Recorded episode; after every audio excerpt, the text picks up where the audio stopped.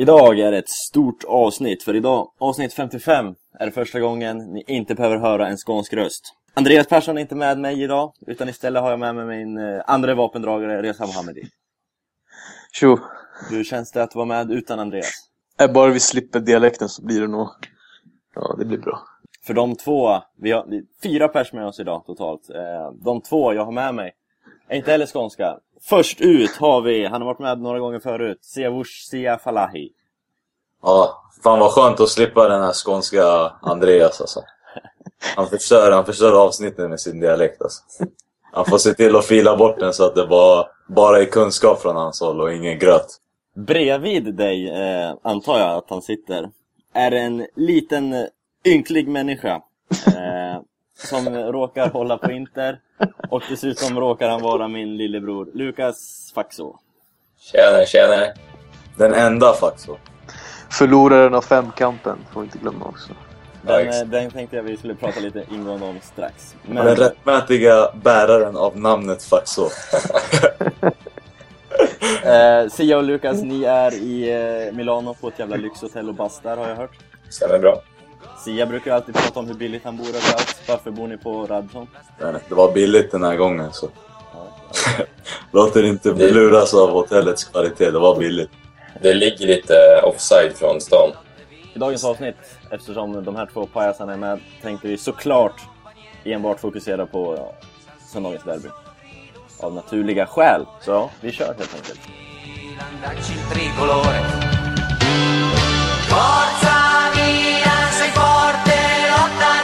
여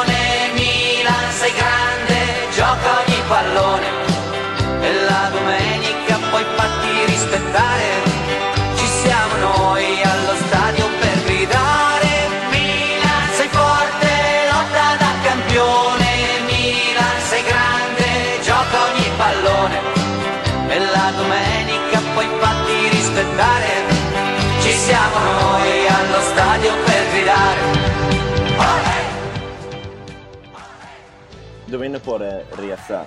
Brödrakampen, femkampen. Lukas Faxå, Ja, hur känns det att vara förlorare? jag vet inte vad jag ska säga egentligen för jag, jag tyckte det var lite fusk där på vissa grenar från din sida. Fusk, utveckla. Om man eh, kollar på armbrytningstävlingen kan man tydligt se hur du förflyttar armbågen flertal gånger för att stabilisera din... eh, att jag hade övertaget liksom. Jag måste ju då gå emot där och om ni kollar på samma arbetningsvideo en gång till så ser ni hur Lukas har en mycket eh, vad blir det? mindre vinkel på sin arm, vilket gör att han är starkare. Samt har sin stödarm som ett jäkla... Ja, de kontrollerar armen med armen bakom liksom. Så jag hävdar att du fuskar också. Ja, fast min armbåge var i alla fall still. Det är det som räknas egentligen. Kan man Ja, tycka. jag ställer mig tveksam. Huvudsaken är att det var jag som vann. Och Reza, du eh, applåderade filmen. Hur bra var den egentligen? 10 av 10. Ja, det var riktigt bra alltså. Men dock, eh, Lukas du får skylla dig själv. Du ledde med 2-0 i straffläggningen och du borde ha vunnit. Ja, Så- det var faktiskt riktigt dåligt. Jag har sågat honom här redan för att han har noll, noll psyke. Men, men det kommer, det kommer, det kommer. David, han kände sig riktigt hotad där. Jag tror det var därför Lukas inte riktigt ville sabba familjestämningen på julafton genom att vinna. Men det får väl bli en eh, rematch eh, till maj. Det får väl bli det. Kan inte vi också få vara med då? Ni två kan väl göra en egen? Kan ni inte? Eller ni kan, ju- ni kan ju få komma till Västerås också om ni vill. Eller så kommer ni till Stockholm. Fast nej. Eh, I maj, Lukas du var inne på det, det är ju Fossa del Alci-resan då. Vi har några platser kvar, så vad fan in och skicka en intresseanmälan till fossadelialci.gmail.com så får du följa med på vår utmärkta resa. Ja. Ja. Bor ni på Radisson eller? Får se, vi bor centralt ska vi göra i alla fall. Ja. Men, nu börjar vi avsnittet på riktigt tycker jag. Det kanske intressantaste inför derbyt. Kurva Nord, först avstängd och nu verkar de väl öppna upp den igen. Eller vad är det senaste från Milano se? Alltså, det jag hör och det jag läser är att det finns en eh, chans att de kommer eh, förflytta bestraffningen eh, till, alltså, alltså att derbyt inte blir straffat men att de två matcherna efter derbyt straffas. Eftersom att de kommer ha extremt svårt att garantera den allmänna säkerheten om Inters klack inte får komma in på arenan. För att det också innebär att Milans klack inte kommer gå in på arenan. Då har du två riktigt arga klackar utanför arenan vilket innebär att den allmänna säkerheten eh, ja, eh, inte alls kan garanteras och att det finns en stor risk för kaos. För vi pratar inte eh, wannabe-huliganer utan vi talar liksom i, i många fall så pratar vi om tungt kriminella personer som är riktigt lacka.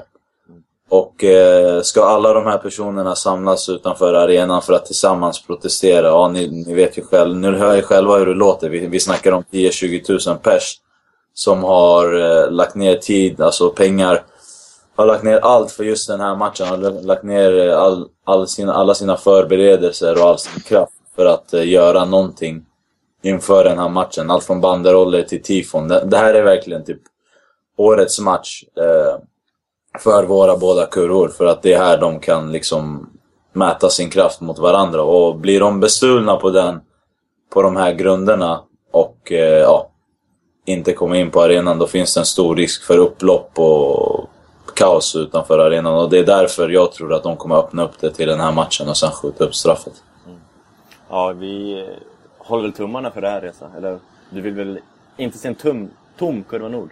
Ledande fråga. Nej, det är klart inte. Men jag ville bara flika in där. Eh, Jag läste igår, i alla fall, mm, det här Twitterkontot Milanello skrev igår att the federal court hearing will take place tomorrow. Alltså att det kommer vara, Ja, det pågår just nu tror jag. ja, det, halv två sk- skriver, jag vet inte om det är helt eh, spikat, men han skriver att det är halv två i alla fall. Att de ska ha en hearing och se om, alltså ett slutgiltigt beslut då. Eh, så vi får ju se då. Men eh, ja, men ja, som svar på din fråga. Det är klart det... Alltså det är så många, eh, Sia var inne på det, de har varit inne på det på måndag när det stod också. Alltså det, är, det är klart, det är inget derby utan kurvan. Så alltså det, finns inget, det finns inte så mycket mer att säga. Det, är- det är så det är. De, kurvan, de båda kurvorna måste vara där och eh, vi hoppas att de eh, låter kurva Nord få vara med i den här matchen och skjuta upp den här avstängningen till en annan match. Ja, vi hoppas ju, om inte annat för matchens skull för, för Lukas skull helt enkelt. För mamma är ju väldigt orolig här hemma att det ska bli bråk utanför arenan. Eh, Det skulle ju kännas smått parodiskt att gå på ett derby där ena långsidan gapar helt tom. Alltså det, skulle, det skulle ju kännas som en vänskapsmatch eller något sånt där mer än ett derby. Liksom. Speciellt också då jag tror att Kurva Sud inte kommer, inte kommer gå in på samma sätt om inte Kurva Nord är på plats. Alltså jag, jag, det känns bara liksom som att det blir en så här vänskapsmatch på sommaren. Liksom. En Team Cup. Ja, alltså något, något som inte är ett derby. Det, det känns, alltså det skulle vara rätt skum stämning tror jag. Alltså det, det, det skulle, det, det, alltså jag kan inte ens föreställa mig en arena utan klack i, anna, alltså i andra fall. Men en arena utan klack i ett derby, det, det, det känns ju bara det är som att man hade gått in på arenan och blivit så här, men vad fan är det frågan om? Eh, ni som är nere nu, interist i Svedesi. Var det någon som skulle stå i, i kurvan egentligen? Det är väl jag. Det är du. Men- Ja, det var inte Ben också? Han är inte från... Han är inte från Interist Ja, kanske, men... Vi har, vi har ju en engelsk kompis som har säsongskort i kurvan som liksom Mm. åker från England och har betalat sin resa och allting som ja, inte kommer komma in. Men det är väl jag som skulle stå i klacken. Men jag fick ju inte, jag fick inte biljett dit. Alltså, jag ansökte om biljett till klacken men jag fick inte den. Men man tar ju sig in där ändå. Och eh, ja, det är väl det. Men det är ingen som har, alltså det är ingen av våra som riskerar att inte komma in på matchen. Eh, ja, jag vet inte, det finns inte så mycket mer att säga om det. Beslutet sker ju om några timmar liksom, så vi kanske skulle väntat med den här inspelningen. Men! Eh, interist i Svedesi, vad, eh, vad gör ni där nere? De här dagarna? Lukas, Lukas vad har ni gjort? Ja, vi kom, eh, kom igår. Sen eh, gruppaktiviteter hittills, det har väl mest, mest varit eh, middagen igår. Som var kanon. På en milanesisk restaurang. Annars har vi väl mest bara checkat in på hotellet och så, tagit det lugnt. Och sen ska vi göra mer grejer idag imorgon är det tänkt. Vad? Idag efter lunch så ska vi först till San Siro och gå touren och kolla på museet. Och sedan är det även eh, gemensam middag ikväll. Och imorgon så pratade Sia om eh, kanske boka en buss och åka och kolla på Primavera-derbyt Mm. på morgonen. Mm. För att sedan också middagsha på kvällen tillsammans. Vi ska ju på Zanettis restaurang ikväll eh, och käka. Så det, eller det brukar alltid vara uppskattat liksom. Det är alltid kul.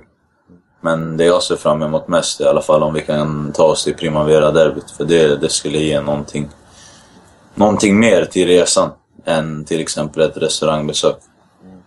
Har ni, ska ni åka ut till träningsanläggningen? Någonting?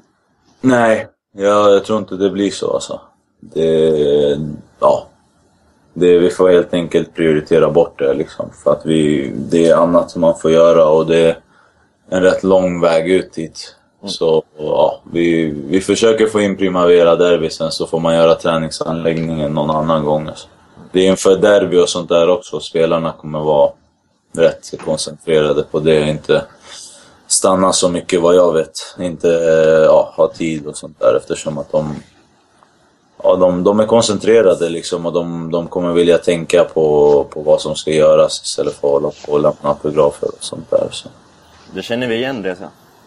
Ja, när vi var där i eh, våras så var det ju... Niang var ju den enda som stannade när vi var där, så det var lite tråkigt. Men eh, Balotelli, Balo- Balotelli vinkade ju till oss, så det var ju en klen tröst. De, de stannar ju aldrig på invägen. Det är ett tips till alla som ska ner till Appiano eller Milanello.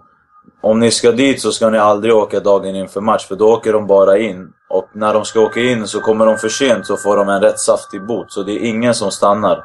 Och dagen innan match så sover de även över, så då åker de aldrig ut. Så om man vill åka till träningsanläggningen så ska man alltid vara där minst två dagar innan match. Och då eh, alltså ha tillräckligt mycket tid för att vänta på att spelarna ska åka ut. För det är, just, det är först då de brukar ha tid och eh, eh, stanna liksom för att eh, ta bilder och lämna autografer och så. Och så då är det ju oftast vardag också, och då, så då är det inte så mycket folk som är där som, ja, så att det blir jobbigt för dem. Utan då brukar det vara en 10-15 pers och det brukar gå rätt snabbt att skriva en autograf och ta en bild med. Bra tips från rutinerad Milano-resenär. Milan, Milan, corre va, più nessuno fermerà. Milan, Milan, mondo intero può conquistar. Tittar vi lite närmare på matchen så har vi eh, Milan rätt tunga skador, eller ja. Ignacio Abate missar eh, och även Urbi Malmsson. Vilket öppnar upp för den eh, eminente Kevin Konstant resa. Är det helt bekräftat att Manuelsson, det var väl lite det, är- Det är, osäkert? inte, det är inte 100%, eh, det ska vi inte säga. Men ja, det mesta talar ju för det, dessvärre. Alltså om, om, om konstant spelar istället, alltså, då är det ju bara... Eh, alltså, Jonathan kommer ju showa med hur konstigt den låter. Han är, det är en så usel spelare defensivt. Speciellt mot bra lag, det har vi sett tidigare. Men han har ju även varit dålig mot sämre lag den här säsongen, den gode Kevin. Så... Ja, jag bävar. Alltså, jag vill inte se han spela från start. Jag ser hellre att man kanske lägger ut Bonera på högerbacken och lägger ut Chili på vänsterbacken än att ha Kevin konstant i ett derby när vi behöver vinna. Att ha han där i den där backlinjen, det känns inte bra. Kevin Konstant, vad... Eh, Lukas, jag vet att du tycker han är lite en figur. Ja, jag, tycker väl om Jag vet inte vad jag tycker egentligen om hur han spelar. Jag tycker han är ganska, ganska värdelös faktiskt. Men det tycker jag Abate också är. Det har jag alltid tyckt. Men jag gillar den här eh, bilden på konstant när han står där med fluga utan tröja.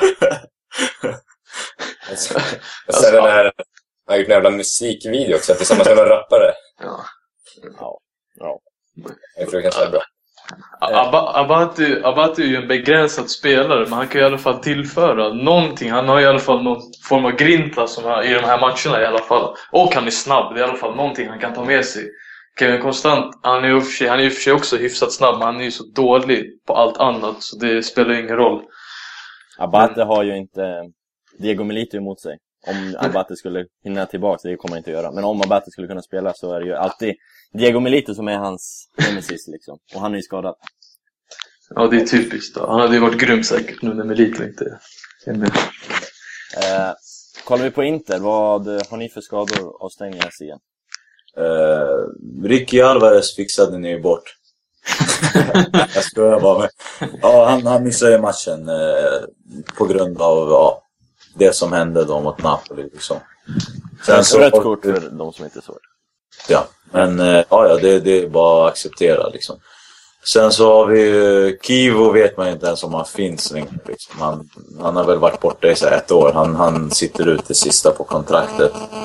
Utöver det så är det väl Milito. Alltså han är ju tillbaka i träning men de kommer inte riskera honom. Och det, det är samma egentligen med Icardi. Han gjorde ju 10 mot Napoli men eh, han har i alla fall tränat ordentligt hela veckan. Och honom kan det ju faktiskt riskera eftersom att det är inte samma sak att vara 21 och skadad och komma tillbaka och vara ja, 30 plus och vara skadad och tillbaka. Så jag tror att det finns en chans att Icardi kommer göra minst, minst 30 eller 20 minuter i den här matchen beroende på hur det utspelar sig. Mm. Utöver det så är det helt okej. Okay. Alltså det är synd att Samuel inte är tillräckligt fit för att starta. Eh, eftersom att han också kommer tillbaka från en skada. Han har ju vunnit alla derbyn han har spelat. Och eh, det skulle enligt mig vara en, en nyckelspelare i en sån här match om han skulle varit skadefri. Annars eh, så ser det helt okej ut. Alltså, Hur ser det ut med, med Zanetti? Han, är ju, alltså, han kan ju spela, men Nagatomo gör ju mer nytta på den positionen. Eh, för om du ska vara ytter i Matsaris spelsystem, då måste du attackera 90 minuter i princip. Och Zanetti all ära, men på den positionen har han inte Alltså varken den målfarlighet som krävs eller den, den speed eller dribblings... Eh, put, alltså dribblings... Vad säger man? Kapaciteten. Alltså han, han, kan, han, han är inte den som gör sin gubbe liksom. Om, om han kommer starta så är det troligen som, som inne mittfältare. Istället för kanske Tider. Eller eh, ja, något sånt. Och det, det, det tror jag också är bättre för laget än om han skulle starta på kanten. För mot Milans svaga ytterbackar så behöver inte Nagatomo och Jonathan. Lukas, vem, för jag, nej. Ja. jag, jag, jag tänkte bara fråga snabbt, vem, vem kommer eh, ta Ricky Alvarez plats? Jag tror att de kommer skjuta upp Guarin.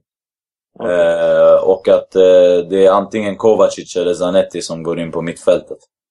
Eh, alltså så att det blir Cambiasso, eh, vad blir det? Cambiasso, Guarin och eh, Cambiasso, Guarin, Taider och någon av Kovacic och, och Zanetti som går in på mittfältet. Vilket gör att Guarin i sin tur flyttas upp. Eller så, jag vet inte, men Matsari verkar ju insistera på att spela Kovacic i den här Ricky Alvarez-positionen, vilket jag i alla fall tycker är helt fel. Men eh, vi, vi, får, vi får helt enkelt se hur de löser det. Alltså det. Jag tror att det står mellan Kovacic och Zanetti den sista platsen på mittfältet. För Taider är bra i en sån här match. Alltså han, är, han är rivig och ettrig, han, han vinner mycket boll och han är tuff. Alltså han, han, han ger sig inte och, och, det, och det kan behövas i en sån här match. jag tror att mittfältskampen mellan kommer bli avgörande. Jag tänkte fråga Lukas. Eh, vad har du för förklaring till att de två ärkesoporna Nagatomo och Jonathan är kanske de två bästa spelarna i Inter nästan den här säsongen? Ja. Hur, hur kommer det sig? De är ju hur dåliga som helst. Min, min förklaring, jag vet inte om jag har någon förklaring som är rätt och fel, men jag tänker väl det är väl framförallt tränare Mats Harry som har, eh, som har gjort någonting bra av dem helt enkelt. Och eh, om man tänker Jonathan förra säsongen var ju helt klappkast liksom. Han var ju värre än konstant. Men eh, ja, som du säger, han är en av de bättre i laget nu och jag kan endast tacka Mats Harry för det. Finns det någon alltså... match där Nagatomo och Jonathan inte har gjort poäng? Assist eller mål?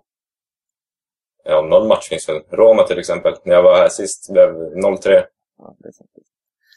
Sia, alltså, Sia. Det... Köper du Lukas? Ja, absolut. Men eh, typ Jonathan visade ju redan i slutet av förra säsongen att han faktiskt kunde lira boll. Liksom. Att det fanns hopp för honom. Sen så som, som Lukas säger om Matsari, det, det är där liksom det, det, är en tränare som får ut, har fått ut mycket av vissa spelare, speciellt eh, då kantspelarna. Sen angående Nagatomo ska jag vara helt ärlig och säga att jag aldrig tyckt han är dålig. Han, alltså, han, han ska inte försvara. han ska anfalla. Och när han får anfalla så gör han det ju väldigt bra. Så han, han kan göra inlägg med både höger och vänster. Han kan, göra, alltså han kan skjuta med både höger och vänster och han, han kan dribbla förbi sin gubbe. Och det har väl resulterat i fyra mål den här säsongen om jag inte är helt fel. Vilket är bäst bland backar i Europa. Om, jag, ja, om inte någon har gått om nu. Så på så sätt tycker jag att det, det är en spelare som kan göra oerhörd nytta för alla lag egentligen. Och fortsätter han på den här vägen så kommer han göra, alltså bli riktigt, riktigt bra. Ska man, ska man kalla Nagatomo för back om man inte ska försvara? Ja, för att han, han, alltså, han är ju nere i backlinjen. Sen om han vet vad fan han gör där, det, det vet inte jag eller du eller någon liksom. Men han, han är ju nere och står i alla fall. Sen om, om man, det, det är inte försvarsspel alla nästa liksom, eller ja, Samuel eller någon sån där. Men han, han är där och gör, och gör sin grej liksom. Och sen så tror inte jag han har någon aning om vad som händer egentligen. Förutom när han får sticka iväg på en rush i anfallet. Och det är då han verkligen liksom får ut det mesta av sig. Sen så tror jag också att han hade gjort fler poäng om sådana som Icardi och Milito hade varit skadefria. Så att hans inlägg inte bara hade gått mot ensam Palacio och Jonathan. Liksom. Nej, men exakt vad det jag tänkte säga. Att exakt i CSC var väl ungefär det vi såg mot Napoli. Att flertal gånger gjorde han bort sin gubbe och liksom stack på kanten förbi både Mertens och Insigne som också liksom uttalade att de är snabba. Men även i backlinjen gjorde han ju bort sig vid första målet till exempel. När han bara nickade bollen rakt ut mot mitten där eh, Iguin kunde komma och dra på volley direkt. Så det är väl ungefär det vi har sett, att han är, att han är lite en yrhöna i, i backlinjen. Typ som Antonini, som jag brukar kalla den yra hönan. Alltså, man, man får liksom... Det, det, du vet, det, det som beskriver Nagatomo egentligen bra, det är typ som Lagerbäck hade sagt. Att han är, han är en ärlig spelare. Alltså, han, han springer i 90 minuter upp och ner liksom. Och sen så... Du vet, så på offensiv planhalva så, så lutar det över lite mer mot det bättre och på defensiv planhalva så lutar det över lite mer mot det mindre. Men där så är det ju upp till tränaren att förse honom med tillräckligt mycket backup för att han ska kunna göra det som just han är bra på och egentligen inte behöva bekymra sig om defensiv. Milan, Milan, corre ti fermerà. Milan, Milan, intero può conquistar.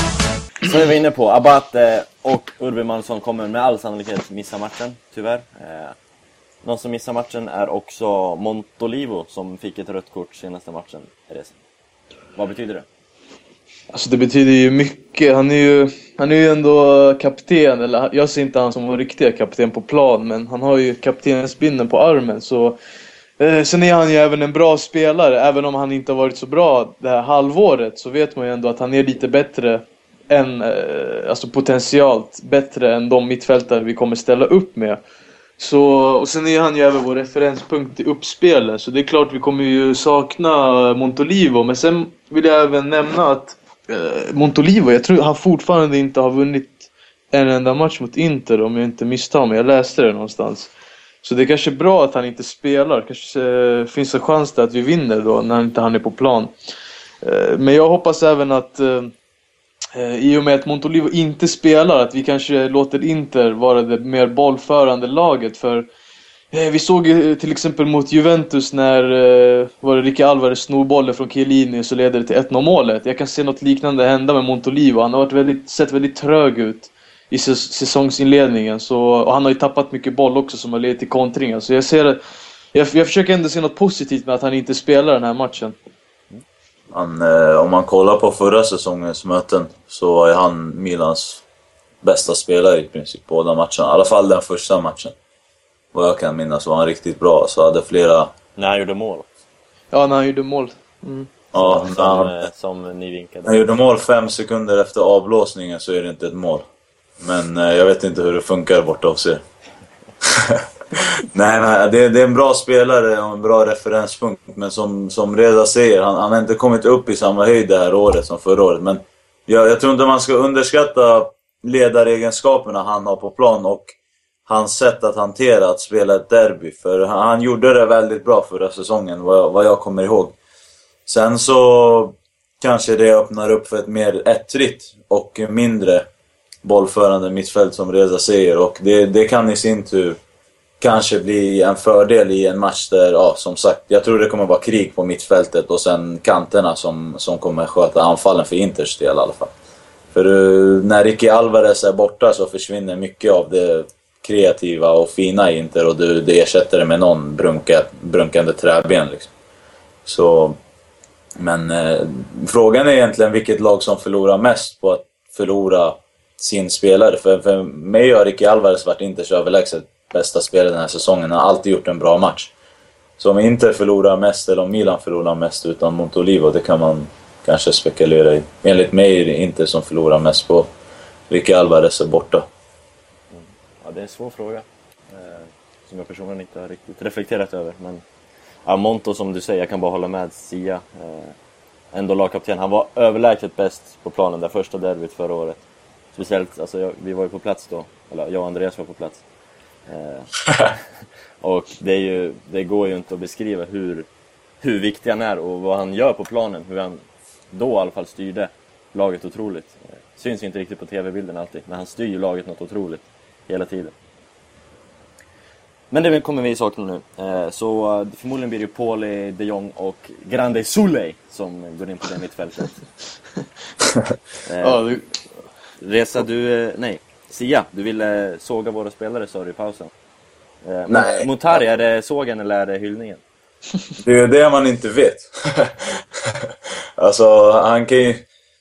Han är ju han är så konstig som spelare. Han kan ju bli så här, Ja, du ser ju målet han gör mot Roma liksom. Det är, det är bra gjort liksom. Det är, det är riktigt bra gjort. Eh, mottag med högen och skottet liksom. Eh, även alltså han, han liksom väljer sina tillfällen rätt när han ska attackera liksom. Och det syns att han har bra timing när han kommer upp i offensiv planhalva. Liksom mål, målet mot Barca förra säsongen är bara ett exempel på ett sånt mål som är väldigt typiskt för honom. Att han verkligen, ja men nu, nu sticker jag liksom. Och då, då gör han det bra. Sen så har han andra brister i passningsspelet och liksom och så vidare. Men det är en spelare som om han har en bra dag gör nytta, men om han har en dålig dag så drar han på sig två gula på fem minuter och ger bort en straff. Det var ju inte tiden när han gjorde sånt. Eh, Han är ju väl inte... i sig tog han på sig rött förra gången mot Roma, förra säsongen. Eh, Men men, Montari, men vem vill du såga då? Du vill ju såga. Alltså, Du, du får fritt spelrum nu. Jag har ju en buffé egentligen. Men eh, alltså, Abate, Abate har vi redan dissekerat liksom. Sen så, ja jag vet inte, sexpata som Reza kallar honom. Han, han vill jag inte såga, han är rätt skön faktiskt. Men eh, alltså att ni så här, Urbi missar matchen, fan liksom. Han är också sämst. alltså han, han är ju dålig i alla fall. Han, är- han är inte bra Urbi. Såg du matchen mot Roma? Han har varit bra på sistone faktiskt. Eh, Det, det var konstant också en gång i tiden. Han var, han var grym några matcher. Liksom. Nej, men det, det, det är helt okej. Alltså, jag tycker mittfältet och framåt ser faktiskt bra ut. Matri har ju varit ärkesämst, men han gillar ju att göra mål mot Inter. Så vi får se hur det blir med honom. Enligt mig så är det ju bortkastade pengar på honom. Men han, bara för det så gör han mål nu och så blir han värd det. Liksom. Ja, får han vänta starta, Matri? Tillsammans med Ja, Balotelli och Kaká bakom.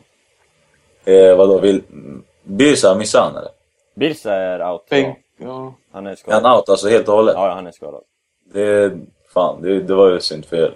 Alltså, jag läste det Allegri sa typ att eh, det är få som förstår hur viktigt det är att ha en spelare som slår lika bra hörnor som Birsa. Och typ totalt sågade hans fotbollsegenskaper liksom.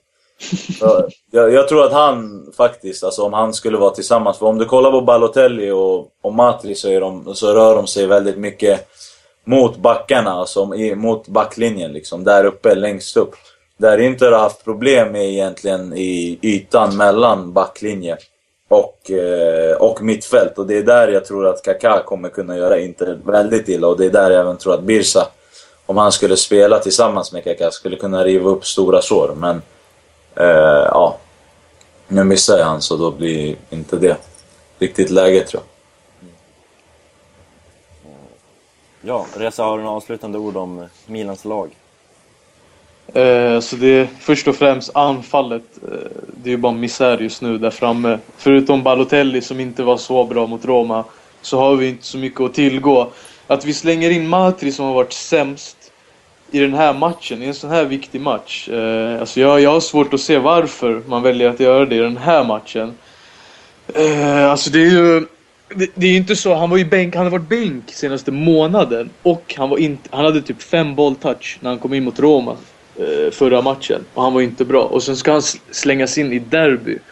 Eh, så jag är lite, ställer mig lite tveksam till det där för jag hade gärna sett att vi hade eh, fyllt upp mittfältet och packat upp mittfältet lite mer för Matri han är inte så delaktig i spelet och nu när Montolivo är borta också så kommer vi ha svårt att nå fram med de här bollarna till våra anfallare. Jag hade gärna sett att vi hade packat upp mittfältet, slängt in kanske eh, någon annan där på mittfältet lite längre fram.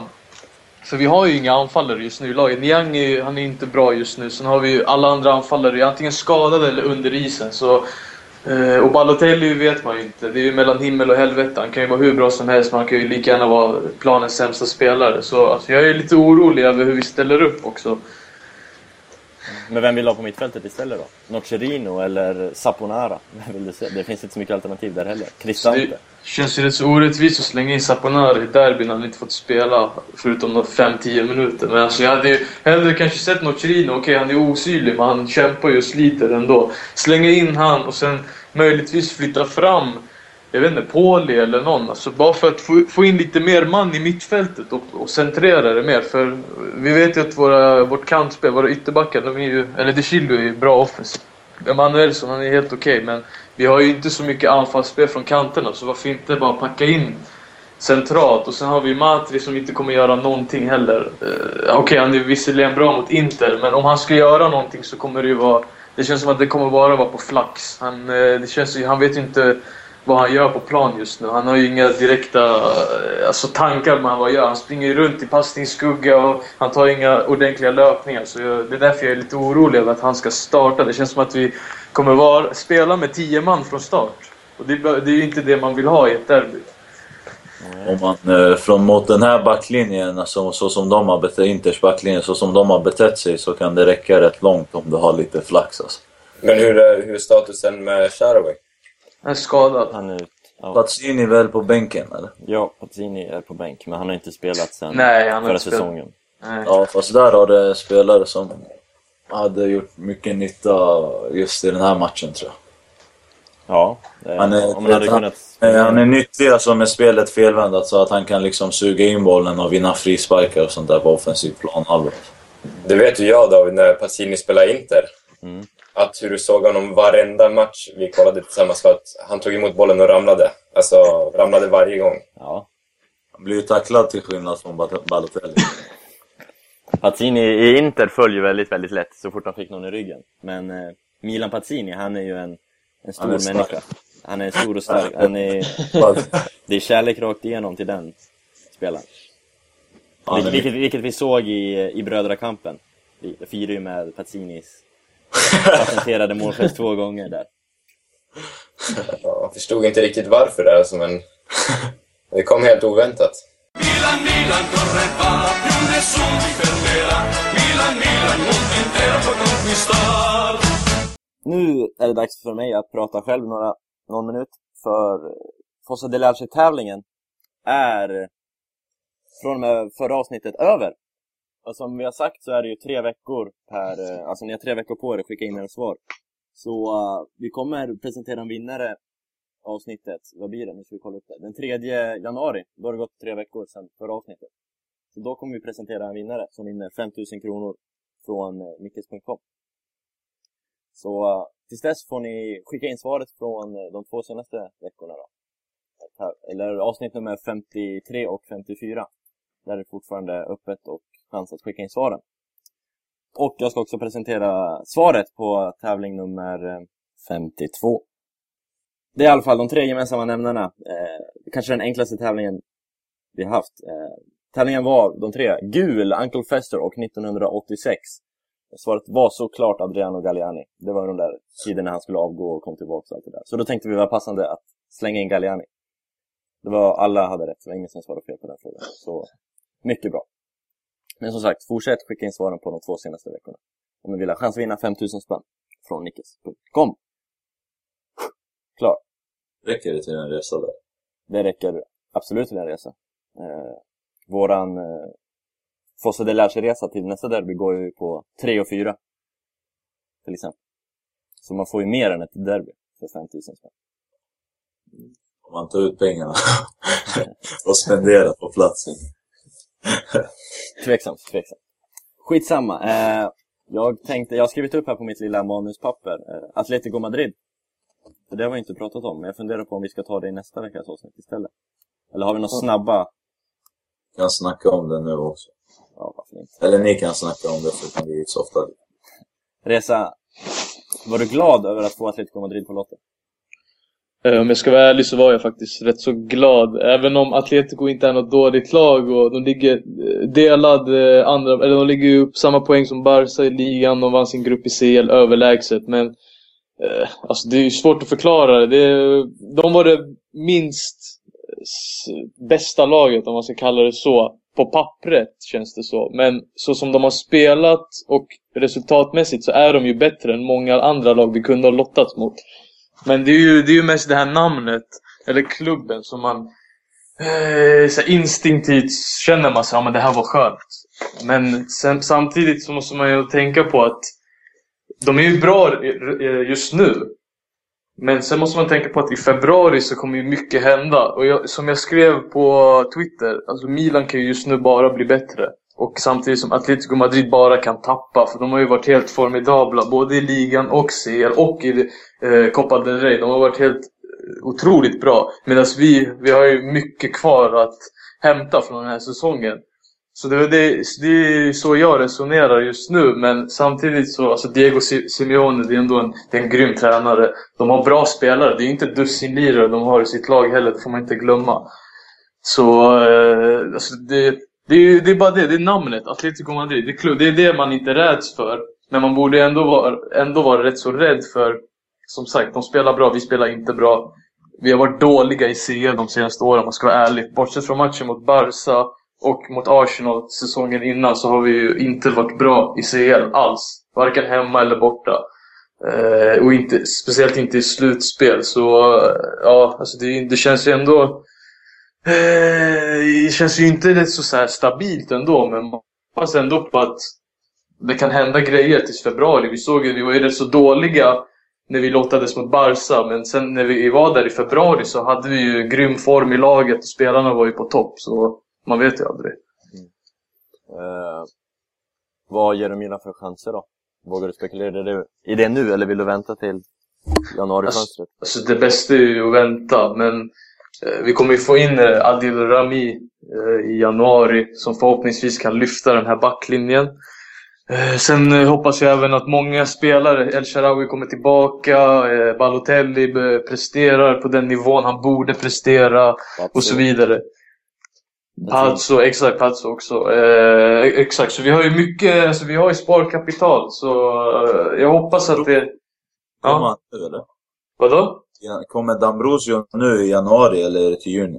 Solo Calcio skriver ju idag att eh, det finns engelskt intresse för honom också.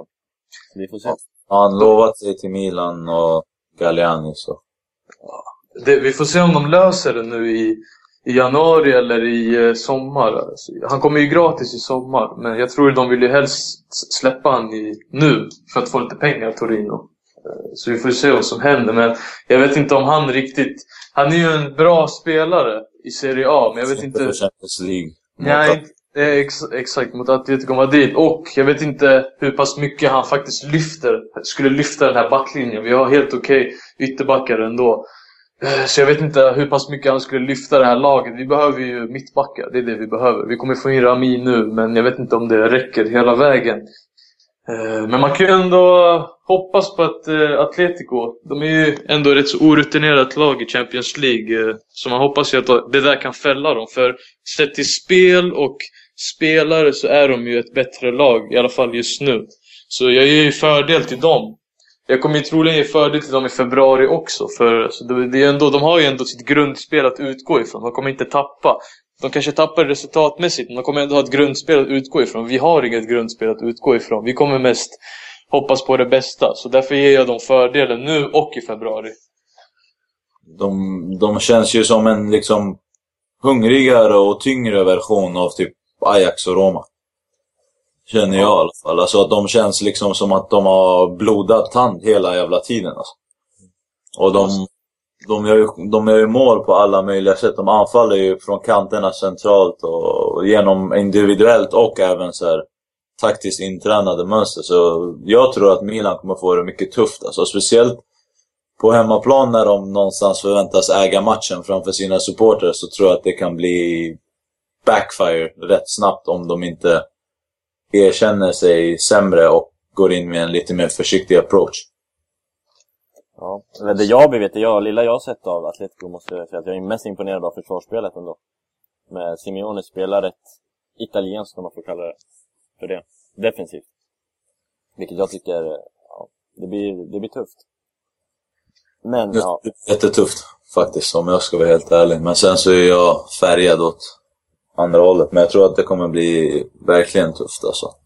Och jag tror just den här grejen med att det är Atletico som man möter och inte Barca eller Manchester United eller Chelsea eller något sånt där kan göra att eh, ja, man kanske är lite, står lite på hälarna även om man såklart absolut inte ska göra det när det är Champions League åttondelsfinal.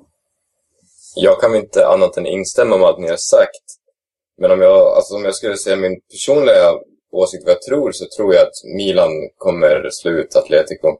Men jag tror ändå, jag tror ändå inte det kommer bli lätt. Jag tror det blir, blir två jämna matcher och att det blir tufft. Men jag tror Milan ändå står som segrare i slutändan.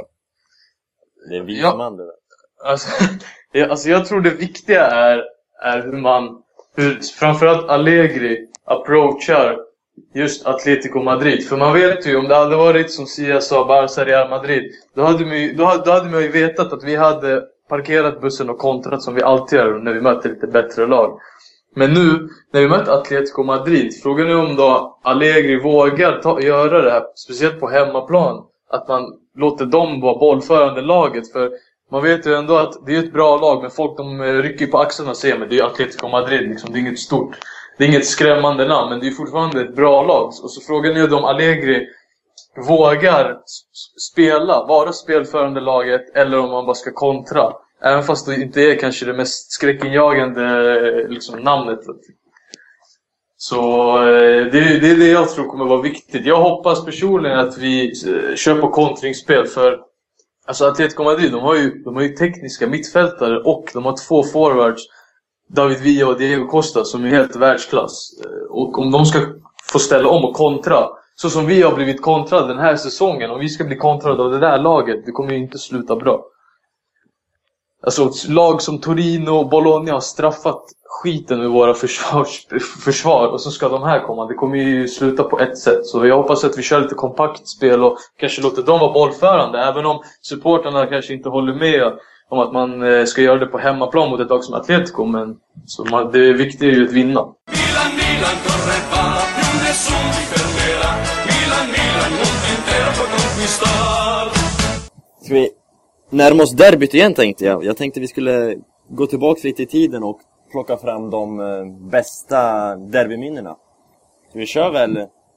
Vi börjar med bästa. Vi kör en i taget. Vi, eh, först ut, Lukas.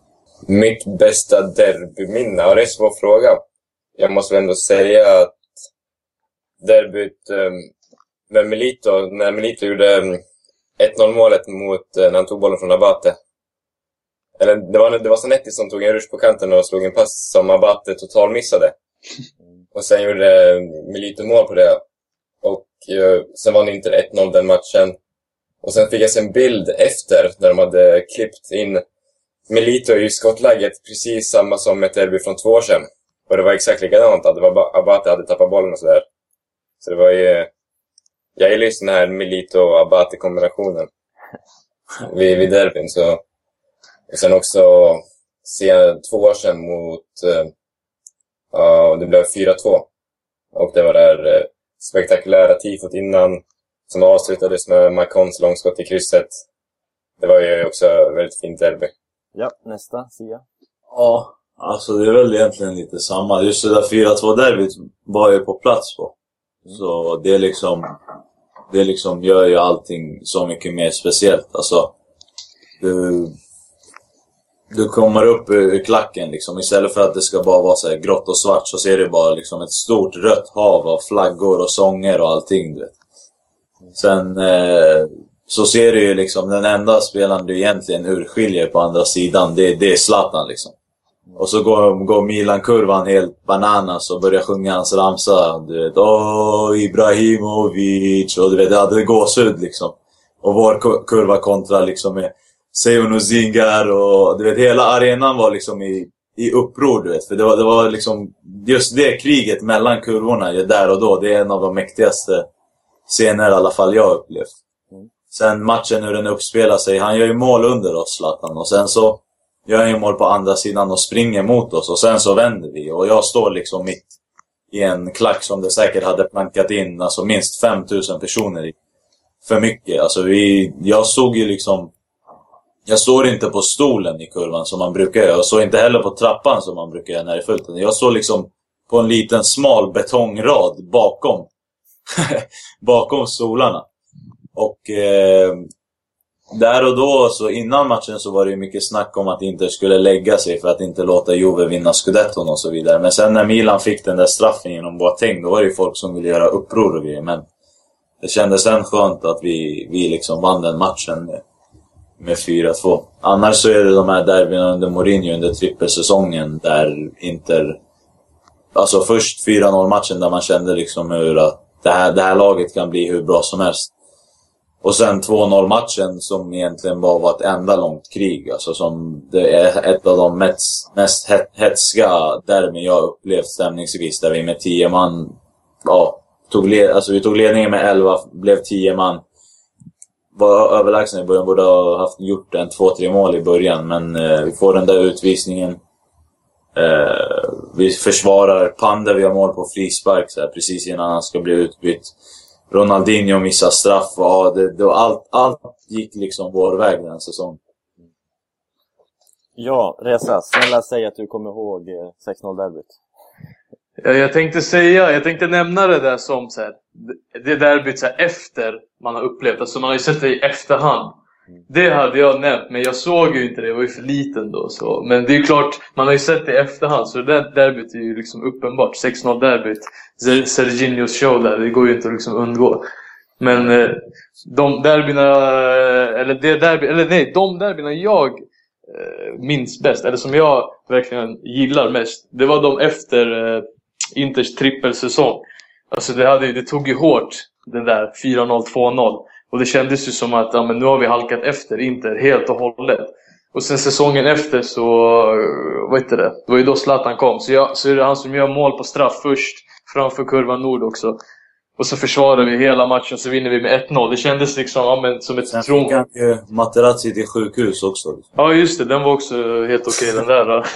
Det var, det var rätt brinnande derby. Så det där var rätt så skönt för då kändes det, ja, men nu är tronskiftet liksom ändå lite tillbaka känns det som efter det där 4-0, 2-0 säsongen innan. Och sen, samma säsong, eh, hemmaderbyt, eh, när eh, Leonardo hade kommit in poängrekord i Inter så var de typ tre poäng efter eller någonting. Trots att vi hade värsta försprånget. Och så kändes det, ja, men om vi inte vinner det här så kommer, vi, så kommer vi tappa scudetton. Det hade varit helt sjukt. Så vi över mål efter typ 30-40 sekunder och sen eh, kör vi över och vinner med 3-0. Det var också hyfsat skönt efter 4-0 torsken förra säsongen. Att vinna med 3-0 och sen få lite revansch och sen vinna scudetton framför ögonen på Inter och tifot med, riktat mot Leonardo. Den var också hyfsat skön. Vi hade ju, Ibra var inte ens med på den matchen heller. Nej, han var inte ens med. Så det var också lite extra skönt också. Där. Kivo blev ju utvisad efter, vad fan, det var ju också så här. Det, det, var ju, det var ju den största misärderbyt någonsin. alltså, det, det var ju, det var ju mer, mindre misär förra året när Skelotto gjorde mål. Det där 3-0-derbyt. Alltså, det var ju så här. Då hade vi ett bra lag, men vi kom verkligen ingen vart och vi fick Kivo utvisad och ja, det var bara så här, vad, vad fan hände? Bra minne. Mycket bra minne. Ja. Jag vill eh, lyfta fram, eh, jag kommer inte ihåg på rak arm vilket år det är, jag kanske skulle kollat upp det innan dess, eller innan det här. Men eh, det var ju när eh, vi spelade, det var ett dagsderby. Det var ljust ute. Eh, och Kaká slår ett inlägg första stolpen till Pippo. Det var 2008. 2008. Mm, Ja. precis. Det är när vi har chans att vinna ligatiteln framför er också. Mm. Det derbyt måste jag ju lyfta. Det känns som ett så här rätt bortglömt derby. Ja. Alltså jag, jag hade typ förträngt att det hade hänt. Att Inter hade chans att vinna scudetton framför Milan, men var totalt sämst och åkte på 2-0 torsk. liksom. Det är därför jag kommer att lyfta upp det här. Sen eh, snodde, det var en snodde bollen från någon Inter gjorde mål där va? Maikon Precis. som eh, tappar bollen typ så här, ja, på ett väldigt konstigt sätt. Alltså. Minst sagt. Så det vill jag lyfta. Sen eh, Ronaldinhos nickmål i Ja, inledningen av hans Milan-karriär. När Ancelotti, Mourinhos första derby va? Mm. Det kan det ha varit. Eh, Ja, det var väl det. Mourinhos första derby, det var typ andra omgången 2008 eller något sånt där. kolla vilket facit vi har med oss här. Eh, ja, men det är i alla fall när Ronaldinho nickar in bollen på inlägg från Kaká. Vi, hade, Ja. vi spelade ju med Caparu då, Kaká, Pato och Ronaldinho i anfallet. De namnen känns ju lite bättre än Kaká 2013 och Matri kanske. Men det, det, det är härliga minnen. Fast överlag har jag ju mest negativa minnen från derby. Jag gillar inte att spela derby alltså. Nej, inte samma här alltså. Sen- Senaste åren i alla fall. Mm. Eh, säsongen efter eh, scudetton, alltså vi förlorade båda derbyna trots att inte var under isen. Och att vi kanske borde ha vunnit en scudetto där. Förra året också, jag fattar inte hur det blev. Alltså, men det visar ju att form, form och så, det spelar inte så stor roll. Det är derby. Eh, och, det, och i det här derby känns det som det är som eh, Gans, Simone Gans sa, alltså, Sara il derby della paura. Det, så det kommer vara rädslans derby. Båda lagen är rädda för att förlora. Eh, Inter, har inte vunnit, Inter har vunnit en match på fem matcher, Milan har vunnit en match på fem matcher.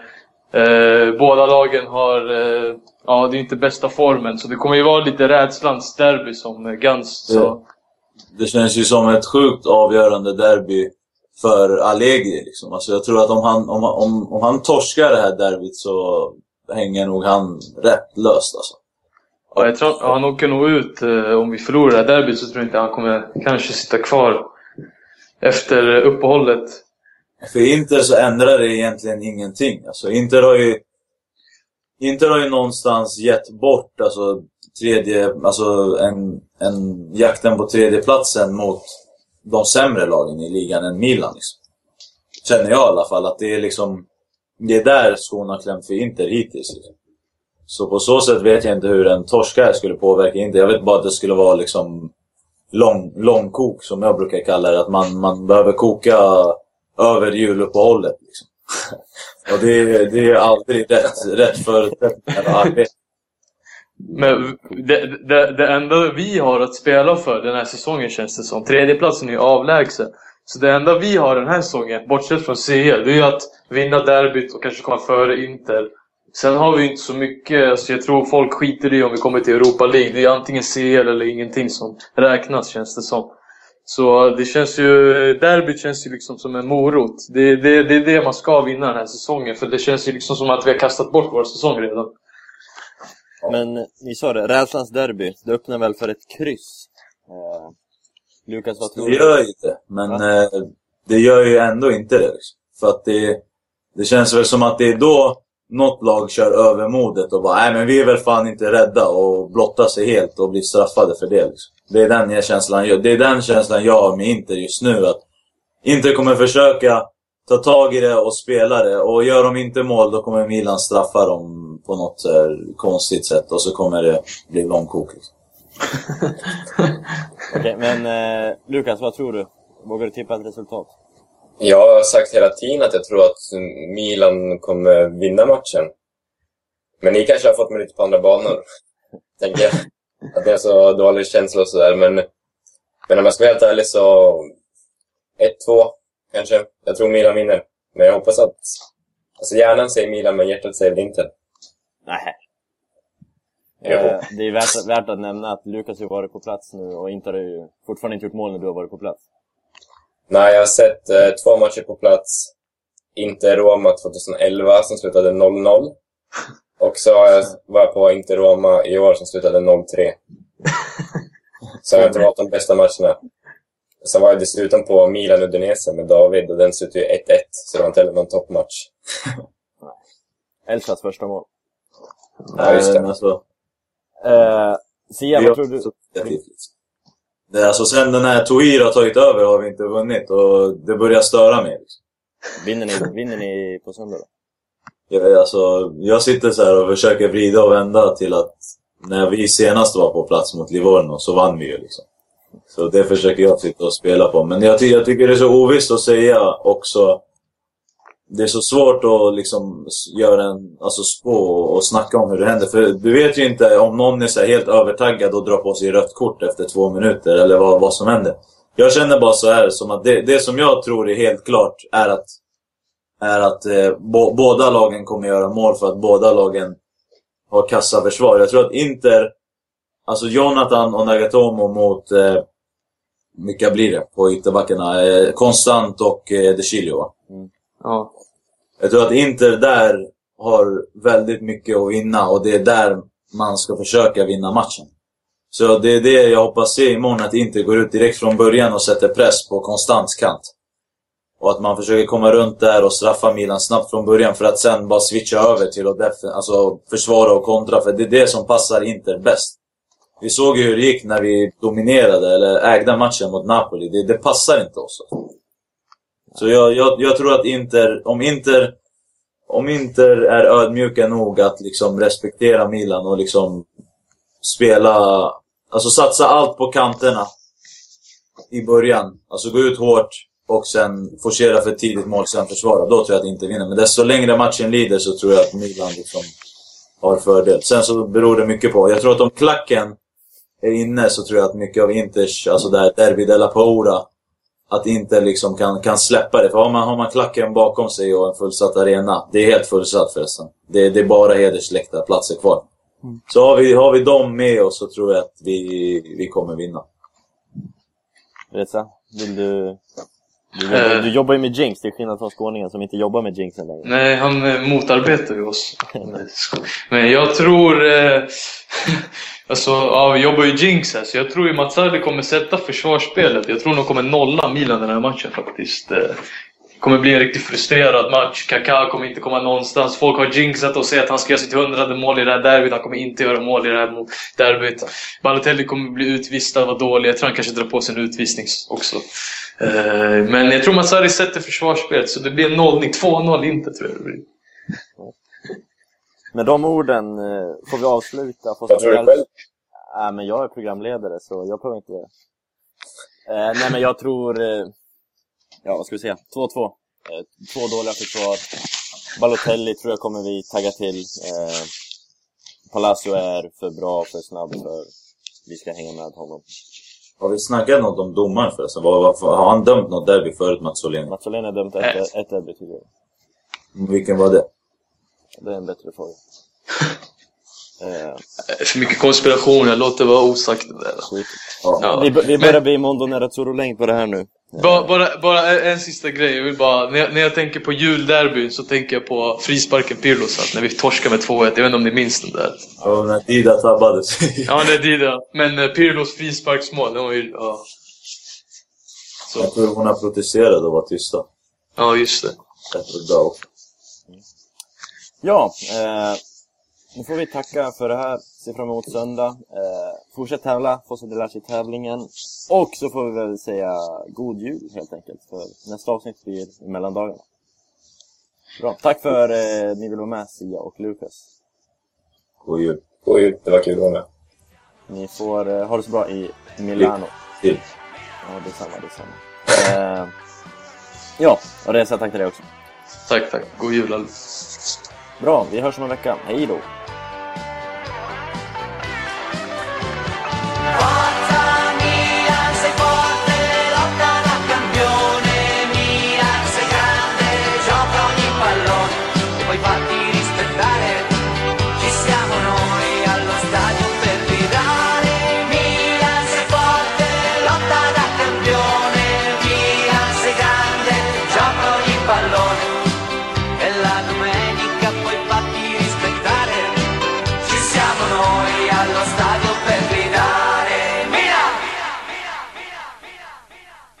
Du måste nämna Andreas också. Han är ute på gatorna och sjunger.